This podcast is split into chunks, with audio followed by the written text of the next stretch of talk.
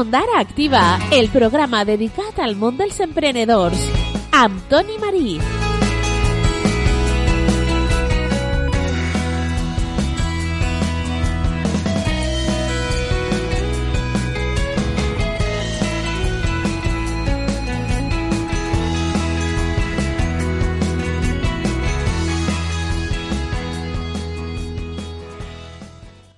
Hola a totes i a tots, estàs en el programa Ondara Activa, un espai dedicat al món de l'emprenedor i de l'empresa que pots sintonitzar a Ràdio La Veu d'Ondara en el 107.4 de la FM. El nostre convidat d'avui és Vicent Cendra, ell és d'Ondara i està al capdavant de Rustega, que és un negoci del nostre poble.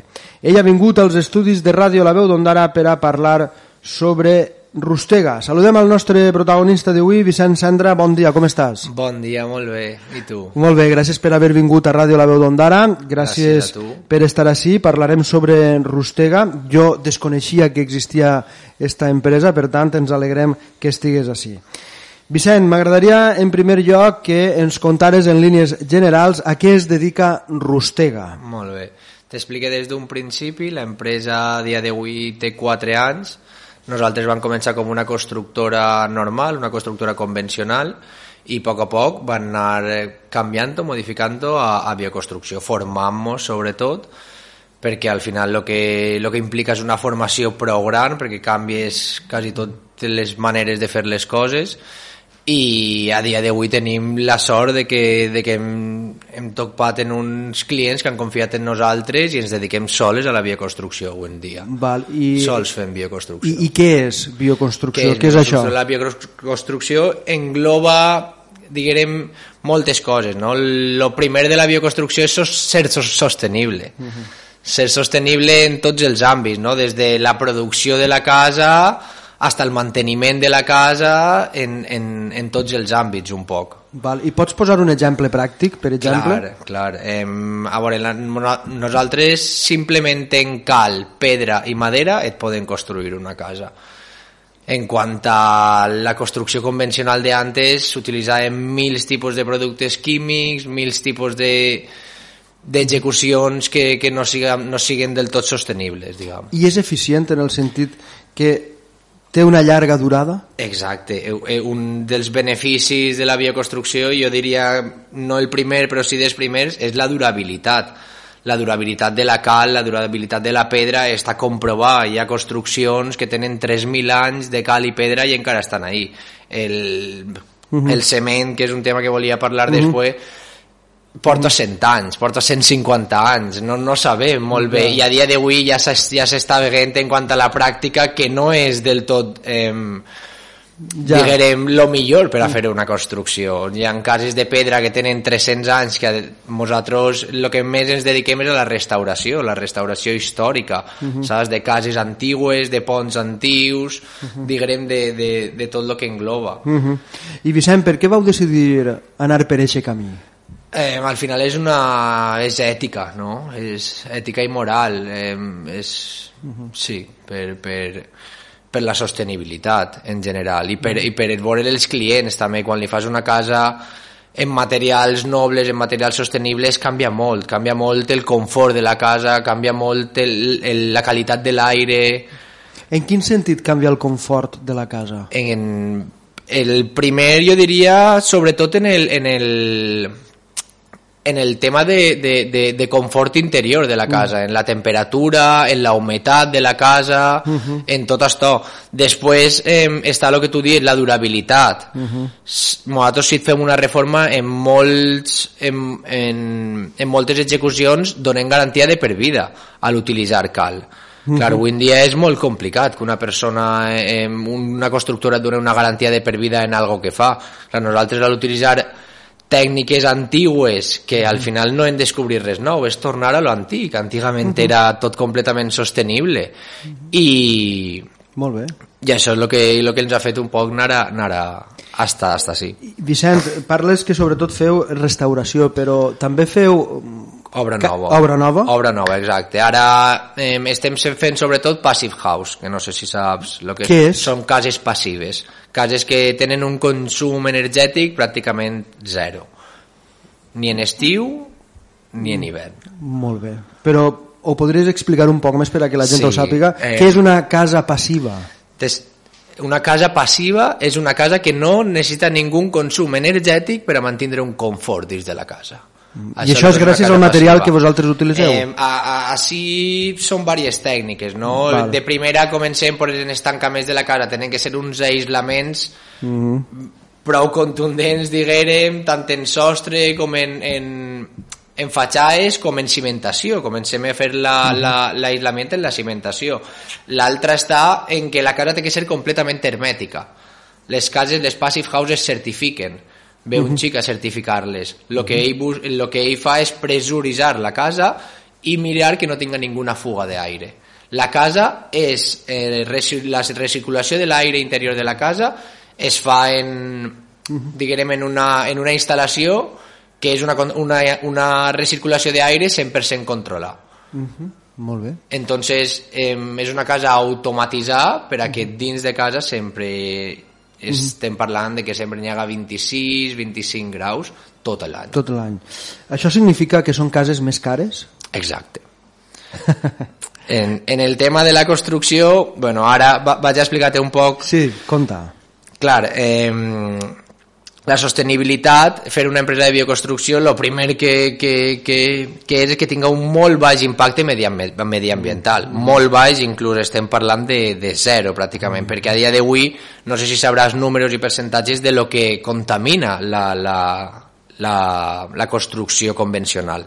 A dia d'avui la construcció convencional, un 39% del carbono que és emetit a l'atmosfera ve per, per el sector de la construcció convencional. És una Són barbaritat.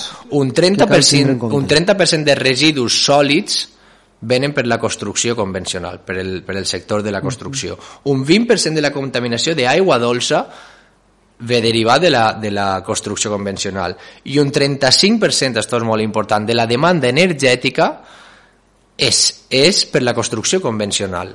A l'hora de crear una casa, eh, els materials que s'utilitzen per a crear una casa són un 35%, que demanden un 35% de l'energia global. És una barbaritat. Aquestes dades d'on les has tret? Aquestes dades eh, ja fa temps que les tinc i són, són dades verífiques que Són estan oficials. cada dia, sí, sí, cada dia manejant es pot buscar, qualsevol persona ho pot buscar. La gent podria pensar, quan veu una construcció, que això no contamina. Claro. I, i sí, sí contamina. Claro, contamina sí sobretot a l'hora de, de, de crear-ho, no? de fabricar el, el, el, el material. Els forns que utilitzen són mega industrials, el tema del cement també hi ha hi un... Pues clar, al final eh, això, nosaltres, clar, el tre- treballem, pues ja et dic, el que més treballem avui dia és la cal, que després par- parlaré un poc de les propietats de la cal. En pedra, madera, intentem que sempre el material siga quilòmetre zero o de molt, molt, molt, molt propet. Per exemple, el corxo, l'utilitzem corxo natural de la Serra d'Espadán, de, de, de Castelló. Em, la- el- L'arcilla, intentem que siga el més pròxim possible. Teruel, el més pròxim possible. Em, La cal, per exemple, d'on? la cal agarrem cal Pasqual, que és de València. Val, d'acord. I la pedra? La pedra, eh, clar, ahí també entra molt el client, Mhm. saps? Perquè el tipus de client el tipus de client fa molt en que pugues fer una obra sostenible, perquè els materials sostenibles, vulguis o no, no, no són barats. Mhm. saps? Estem parlant d'una construcció que va costar-te un poquet més i que vas a rentabilitzar en els anys, Mhm. i en salut, que és molt important. I, I com havien dit antes, en durabilitat. És una casa que podran heredar els teus fills i els fills dels teus fills. Mhm. No com avui en dia que et fas, compren una casa nova i als 30 anys està quasi per tirar i tornar a fer, que, que ho estic veient dia a dia. Entonces pense que això és un, algo molt important. Per exemple, la fusta d'on l'agafeu? La, la fusta estem, pues clar, eh, sempre barallem diversos puestos. A dia d'avui estem agarrant la de Cuenca, De la, Cuenca. majoria, la majoria de fusta. Molt bé. Saps? Molt Vale, bé. tenim un contacte en Cuenca i d'ahí portem tota la fusta. A part que nosaltres tenim un mini aserradero, eh, comprem els troncs, si entreu a la nostra a l'Instagram es poden veure moltes cosetes que fem. Després mencionarem i et donaré peu per a que ens contes si teniu xarxes socials, si disposeu de Exacte. pàgina web, etc etc. Volies comentar alguna cosa relacionada amb la cal? Claro. Bueno, eh, et parle un poc ta, també d'ara de, la, de la sostenibilitat en quant al manteniment de la Val. casa, ¿vale? Digues. perquè pense per a que mi és superimportant. Digues, digues. En xifres també estem parlant de- d'un 47% del consum residencial prové de, de, de, de la climatització de les cases. Uh -huh. Esto és una barbaritat, també.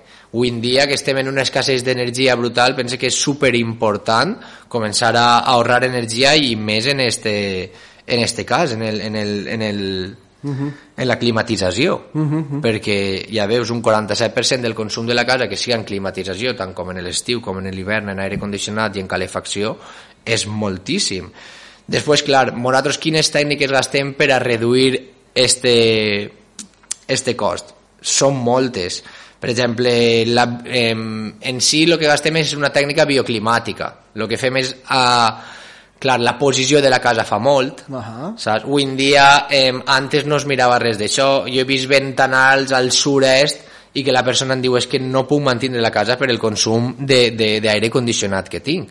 Clar, perquè eh, està tot el dia pegant-li un sol o un ventanal per a tindre bones vistes, no van pensar, saps? Clar, la casa és un forn fet un invernadero sense donar-te compte. Entonces jo penso que de lo primer és la ubicació, saps? Com enfocar les finestres, com, quines parets aïslar més, quines cobertes aïslar més segons la posició de la casa. Després, clar, està l'aïslament. L'aïslament és super important. A partir del 2007 va eixir un decret que les cases per obligació estaven obligades a, a per llei estaven obligades a, a aïslar-les. A partir d'ahir cap arrere no estan aïslades. Ai, jo, la, uh -huh. jo la majoria de cases que vaig és bloc i ja està.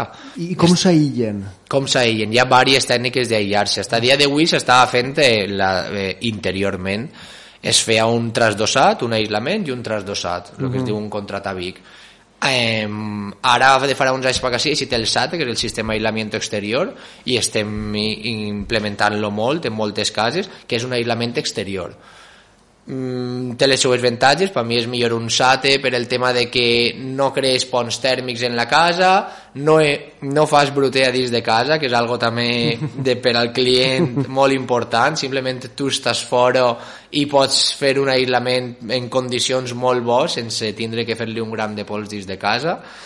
I clar, després està tècniques com aerotèrmia i geotèrmia uh -huh.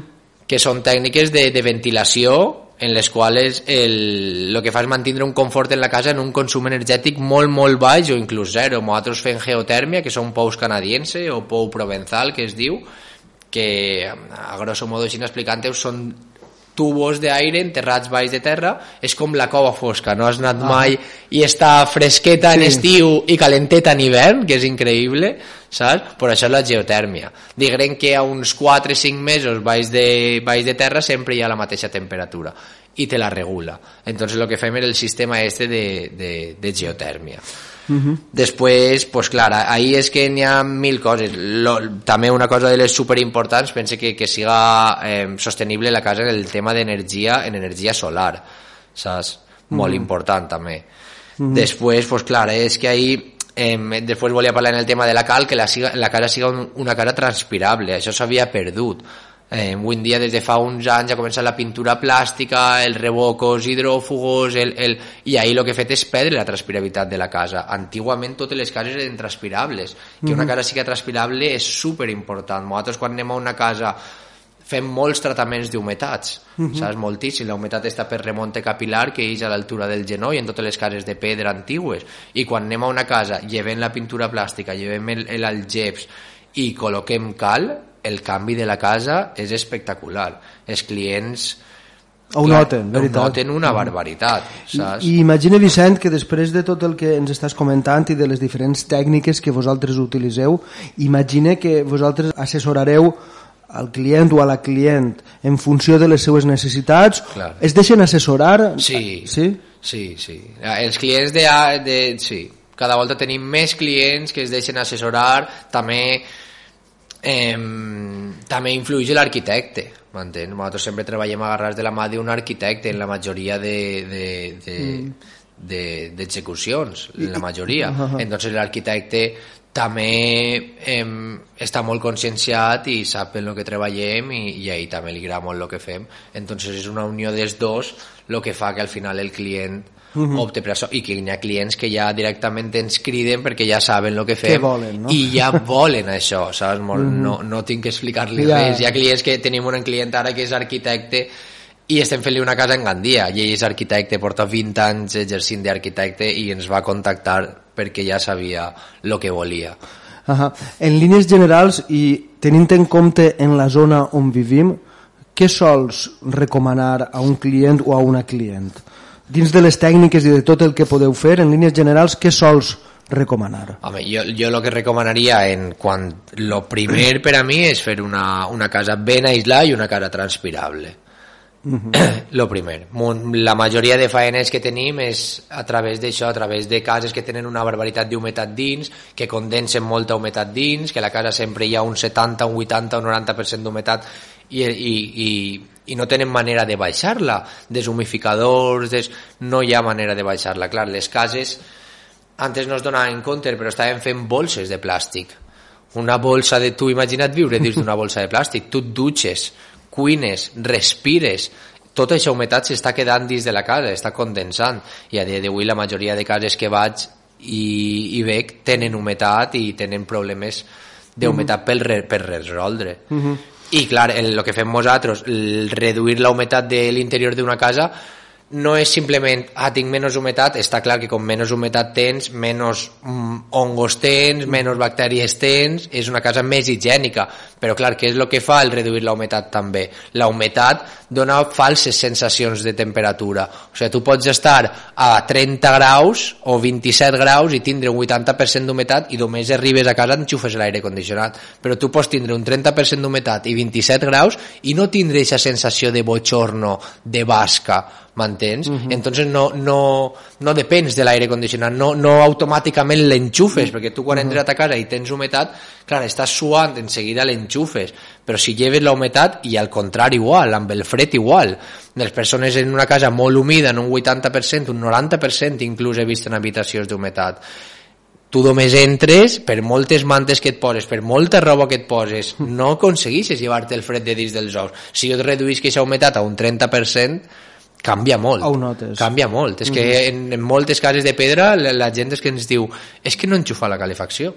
És que la casa, eh, al mantindre una humitat a un 30, no et fa aquesta sensació de fred que mai te'l lleves de damunt. Uh -huh. Enxufa una mini estufeta i es calenta la casa. Uh -huh. Saps? I Vicent, en aquests moments quines coses esteu fent? A dia d'avui? En aquests moments est estem fent coses un, molt xules, la veritat. Es per exemple? Fer, un domo geodèsic és algo molt, molt, molt visual que, que Què és això? És On difícil explicar-te. eh, està en, en, en Orba n'hem fet uno, després en, en, n'hem fet diversos però, però el d'Orba el que estem fent ara és prou gran i, I això per a què serveix? Què és? Visualment. Realment este serà, servirà com a invernadero. -huh. Serà un invernadero, però és una estructura en triànguls que, bueno, lo millor és veureu i, i que molt bé. I que feu la idea. També has comentat que esteu fent una casa a Gandia. Estem fent una casa a Gandia, una Passive House, que t'havia comentat antes, són cases, ja et dic, certificades, que quan acabem mm -hmm. ve un xic i ens la certifica, i la finalitat de la casa és que tinga un consum d'energia zero, mm -hmm. zero, que Uh -huh. Esto en en dia és increïble entrar a l'hivern fent 6 graus fora i que dins hi haga 25 graus i que pràcticament el consum d'energia vagi segut nulo este tipus de tècniques es realitzen en altres països Sí. vull pensar en països on fa Sí, molt de sí. fred per exemple En Espanya farà uns 5 anys, 7 anys que han, han començat a fer Passive House, però en Alemanya des dels anys 80, 90 que ja es fan Passive House. Sí, i, i ve, ve d'ahir al final, clar, de països amb més fred, amb més que al final el consum energètic era molt més alt de per si que, que en Espanya, que vull dir, no tenim la sort de que molts mesos a l'any no, no necessitem. no necessitem Claro. i Vicent, el meu dubte és es podrien fer per exemple finques també així? Clar, en Gandia és una finca el, el que estem fent. És una finca de, de, de 3-4 pisos. pisos. Ahà. Clar, sí, sí. o sigui I, que i perfecte 100% passive house i, i, I cada sense vegada, ningú problema. cada vegada notes que hi ha més gent interessada Sí, molt més. en aquest tipus de construccions. Clar, nosaltres vam començar en 2019, vam començar en, en l'empresa, que l'empresa era Rustega, i després en 2020 vam començar en Rustega Bioconstrucció, perquè vam veure que el sector es manejava i que ja quasi sempre podien tindre una obra activa que fora bioconstrucció, i els clients, re, més que res, ha sigut el boca a boca, no? El anar el anar passant-se la informació boca a boca i ahir ahir es veu que la faena és una molt bona faena perquè, perquè una clienta recomana una altra i l'altra en seguida diu que sí al veure el resultat no? I quin és el tipus de client que soleu tindre? Eh, tenim un poc de tot, no? Pense que cada dia, farà uns anys sí que digueres, hòstia, pues tens que gargar ara així un, un client que se'n vaja de lo convencional, que siga un client... Però ara, avui en dia, ja no. Ja no. Et veus una persona que, que lo millor no t'esperes per lo que siga, per i vol tot en bioconstrucció, vol tot sostenible, clar, hi ha una cosa en el tema de la bioconstrucció que és la salut també, hi ha molta gent que ens contacta per la salut perquè sap que una casa feta en cal o una casa feta en materials nobles i sostenibles no té res a veure a la qualitat de l'ambient en una casa feta convencionalment, en pintures plàstiques, cement, etc. I este sector pensa que també ens fa, ens fa tindre prou clients. saps? La cal, bueno, no sé si ho saps, però parlaré un poc de la cal. La cal és molt alcalina, la cal té un pH 12. La cal és dels primers materials de construcció que es va començar a gastar. Què significa que tinga un pH 12? No pot proliferar ninguna bactèria, ningú mo en una paret de cal. Això és increïble per a qualsevol casa i per a qualsevol inclús un, hem fet una panaderia també, hem fet moltes coses en la qual no, no volen que n'hi haga una bactèria en, en, en la paret, ni un mo mai podrà proliferar un mo, un hongo en una paret de cal. Això és super interessant. Avui en dia hi ha gent que no es dona compte però viu en una casa que la casa està plena d'espores de mo i t'està afectant a la respiració a poc a poc, però t'està afectant a la respiració. Entonces, és un sector que també sí, sí. englobem. Estem parlant amb Vicent Cendra de Rustega, ell és d'Ondara, està al capdavant d'este negoci, que està especialitzat en la bioconstrucció. Ell ens està explicant què és això de la bioconstrucció. La veritat és que és un tema molt interessant que esperem que en un futur siga ja una cosa habitual i normal parlar sobre bioconstrucció. Avui en dia, de moment, encara hi ha gent que no sap què és això i necessita més informació, però com bé ha comentat Vicent Cendra, tots són avantatges a l'hora d'apostar per una construcció d'aquestes característiques. Vicent, aprofitant la teva presència i aprofitant que et dediques a un sector estratègic molt important, hi ha gent que diu que si anem de camí a una nova crisi econòmica o que ja estem, hi ha una crisi energètica, has parlat d'energia, has parlat que aquest tipus de construccions precisament són bones per a evitar crisis energètiques, etc. I ja que estàs en un sector tan important com és el de la construcció, eh, és veritat que anem cap a una situació complicada? Com veus la situació en aquests moments? A veure, amb molts clients tenim esta conversació, no? No, no... Clar, porten des del 2020, des de que va vindre el coronavirus, dient que anem a tindre una crisi, que anem a tindre una crisi, que anem a tindre una crisi. Clar, que ve una crisi pitjor que la que va vindre en 2008. Jo així veig algo que canvia molt de la crisi del 2008, uh -huh. que la gent està preavisar. La gent prevé una crisi. Entonces la del 2008 no la va veure vindre ningú. No la va vindre. La gent la, la, la va pillar en, en, en... Sí, sí, sí. Ningú ho va veure vindre. sorpresa, no? Claro, entonces, si hi ha un preavís de que ve una crisi, la, la, és molt difícil, pense jo, que, que vinga una crisi tan forta, perquè la gent ja està com, com, com atenta, saps? A que, a que la crisi no es done. Entonces la gent, pues, què va passar en aquest entonces? La gent es va hipotecar molt, els bancs van donar molt, molt, molt de, de, de, de diners sense, en pocs avals, a dia d'avui no, a dia d'avui jo els constructors que tinc alrededor i la gent que tinc alrededor tot el món va amb molta cautela a l'hora de demanar diners que no són, saps? A, a l'hora de, de fer tots aquests moviments, sobretot en el tema de diners, uh -huh. veig que la gent està amb molta cautela. Entonces penso que això és un, algo que canvia molt de la crisi anterior. Però notes moviment? Hi ha moviment? En, en, en el nostre sector hi ha molt de moviment. A dia d'avui nosaltres tenim 2024 i ja no tinc, ja no tinc fetges. Estic donant plaços cap a quasi 2025. O sigui que Sí, do- per al 2023 i 2024 tu ja tens 2023 i hasta a mitjans de 2024 tenim faena suficient. molt bé. Per exemple, què fareu? Què farem? Pues ara comencem una obra molt gran en Dènia, en les rotes en Dènia, comencem el 15 de gener, després tenim la finca esta en, en Gandia, només en estes dos ja pràcticament acabarem en, en, en 2024, Ahà. només en estes dos. I després tinc pues, un altre grup que el que anem fent és reformetes per, per els pobles, trataments d'humetats, pedra vista, el que més fem és pedra. Val. Marge de pedra, murs de pedra interiors, murs de pedra de doble cara, mamposteria de pedra, argamassa de cal, rebocos de cal, tàdelac, eh, tot això. L'obra que fareu a Dènia, què serà? Una casa? És una casa. Una casa. Sí. D'acord. I alguna vegada algun client o persona interessada en un tipus de construcció d'aquestes característiques o bé alguna persona que parla amb tu sobre el tema eh, t'ha preguntat o té el dubte de saber si efectivament utilitzant cal, pedra, fusta, etc eixa casa, eixa construcció tindrà la durabilitat que es preveu? Te ho diuen?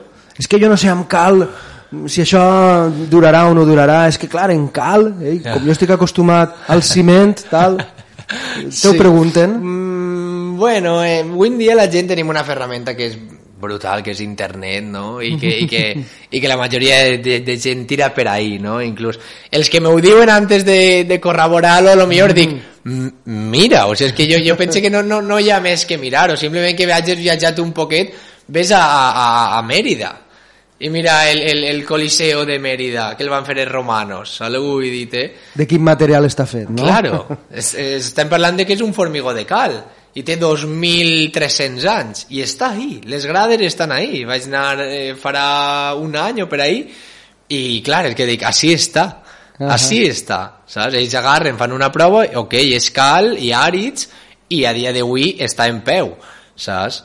la cal sí que tenim un xicotet eh, handicap diria jo, tenim un xicotet que la cal no fragua, per això es va deixar d'utilitzar la cal en la construcció, perquè la cal no fragua, no seca, la cal al no tindre additius, no tindre ningun eh, secant químic, digueren, com tenen tots els materials de construcció de- d'avui en dia, depenem un poc del dia que faja. Per això muntó constructores i per això es va deixar d'utilitzar la cal, perquè tu no podies alçar un edifici de 10 plantes en un any, com fa avui en dia. Era impossible. Tu no, no podies. Necessitaves pues, 10 anys per alçar aquest edifici de manera sostenible en. I econòmicament no I els convé... econòmicament, Ja. clar, però en més que... Sí, exacte.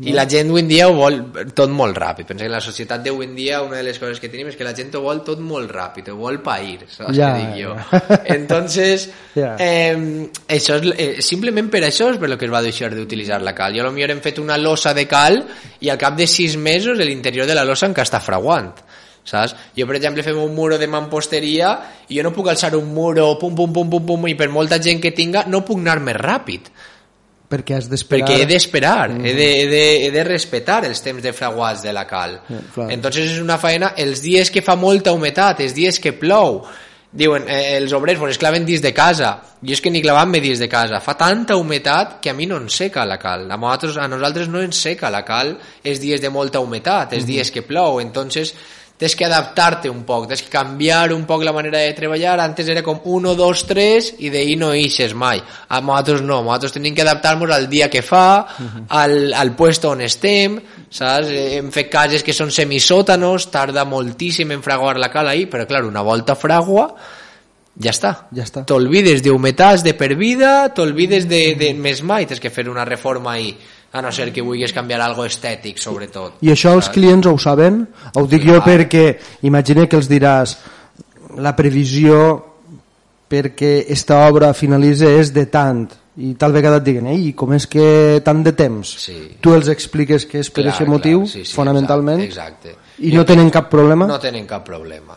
No tenen cap problema. En el moment que contacten ja en mi, ja ell té una predisposició, Mhm. has contactat a una empresa de bioconstrucció, entonces ja tens que estar Ja saps un de poc què va. predisposat a que jo et, et, et diga les avantatges i les desavantatges. Pense que la única desavantatge que té és esta, no? El que, el que, I ja veus, és que és el que et dic, ho he estat investigant i durant anys he estat investigant i simplement s'ha deixat d'utilitzar la cal per el temps de fraguat perquè, perquè a lo millor tu imagina tindre un, a 20 homes i que un dia faci molta humitat i tindre'n a 10 parats és, és inviable per a una empresa molt molt gran saps? Nosaltres, doncs clar, ja som molts anys, ens, ens, ens hem anat adaptant, sabem com fer les coses, cada un fa la seva faeneta, doncs a lo millor una persona sap que demà dona pluja o que demà dona humitat, doncs tens que canviar un poc la faena, tens que saps? Els lluïts, els lluïts nosaltres sempre es fem a les 7 del matí, 7, 8 del matí, perquè si te'n vas a fer-lo a les 11 del matí, hasta les 6 de la vesprada o les 7 de la vesprada estàs ahí saps? Perquè no fraua, no, no, no seca, però això és anar tocant-ho... Si ja ho anar... conegueu, ja sabeu clar, en un què heu de van, fer i s'adapteu. Van començar a fer molts cursos de bioconstrucció per Espanya, manejant-nos un poc per Espanya, i, i això també és el que ens ha donat molt bé. Entre això i l'experiència, a dia d'avui estem... Vicent, quanta gent treballa en Rustega? A dia d'avui som quatre i estem a punt de agarrar un altre xic, que serem cinc. Cinc persones. Cinc persones. Molt bé. Més Estàs jo... content amb l'evolució del sí, negoci des que va molt, començar? Estic molt content. Sí, sí. Això és el més important. Sí, sí. La veritat és que estic molt, molt, molt content. I Vicent, mm, conta'ns, Quines xarxes socials teniu? Disposeu de pàgina web? Sí, tenim una pàgina web. Quina és? Rustegabio, arroba, ai, Rustegabio, Rustegabio Construcció. Rustega Bioconstrucció? Exacte. En valencià? Eh, ara no sé en la, si està posat en valencià o en castellà. www.rustegabioconstrucción.com Punt? Sí, és. És, val. Ahí la gent podrà trobar tota la informació referent a, a este negoci per a posar-se en contacte amb Rustega i en quines xarxes socials esteu? Estem en Instagram i en Facebook. Imagina que ahir vosaltres mostrareu tot el que feu, Exacte. No? Ahir és el dia que es pot veure el que fem, que al final el que fem és el que més és, és visual, no? Mm. És molt pràctic, però visual. També tenim com un estil marcat de, de, de, diguem que és el nostre estil, que és una mescla entre entre rústic mediterrani molt bé. i vicenc uh -huh. i, i a la gent li agrada molt este, este tipus d'estil. I en Instagram quin usuari teniu? Rustega Bioconstrucció. Rustega Bioconstrucció i a Facebook si posen Rustega Bioconstrucció Exacte. també vos troben i a través d'Instagram i de Facebook ja per últim, perquè això és un altre tema que a mi m'interessa saber si efectivament la utilització de les xarxes socials és una ajuda per als negocis en el vostre cas el, el fet de tindre xarxes socials ha sigut un punt positiu per a vosaltres vos ha ajudat? Sí. En quin sentit? En, en clients nous uh -huh. en clients nous sí i la Contacten que, per ahir? Sí, i la veritat que per a, a dia d'avui encara no hem publicitat el que es diu en, en diners, uh -huh. perquè, perquè faena en tenim, saps? I m'assusta un poc perquè a dia d'avui, clar, la idea és seguir creixent i seguir podent abastir a tots els clients que ens contacten, uh -huh. que és la, la, la idea. Però, però sense, diguem, pagar ninguna publicitat, a dia d'avui està seguint molt efectiu. Ens I ja ens han contactat diversos clients d'obres molt importants eh, els quals han contactat per, per redes socials. Estan interessats. Sí. Per cert, no t'ho he preguntat, Vicent, però heu fet alguna obra a Ondara? A Ondara no. No encara? No. A veure si prompte en feu alguna. Orbo, La Guard, Dènia, Dènia estem treballant un muntó també Orbo, La Guardenia, Gandia, Oliva, començarem a treballar ara... Falta un d'ara. Falta un d'ara, sí. a veure si la gent s'anima. I sobretot sí. si aposten per una construcció d'aquestes característiques. On més treballem és en Orbo.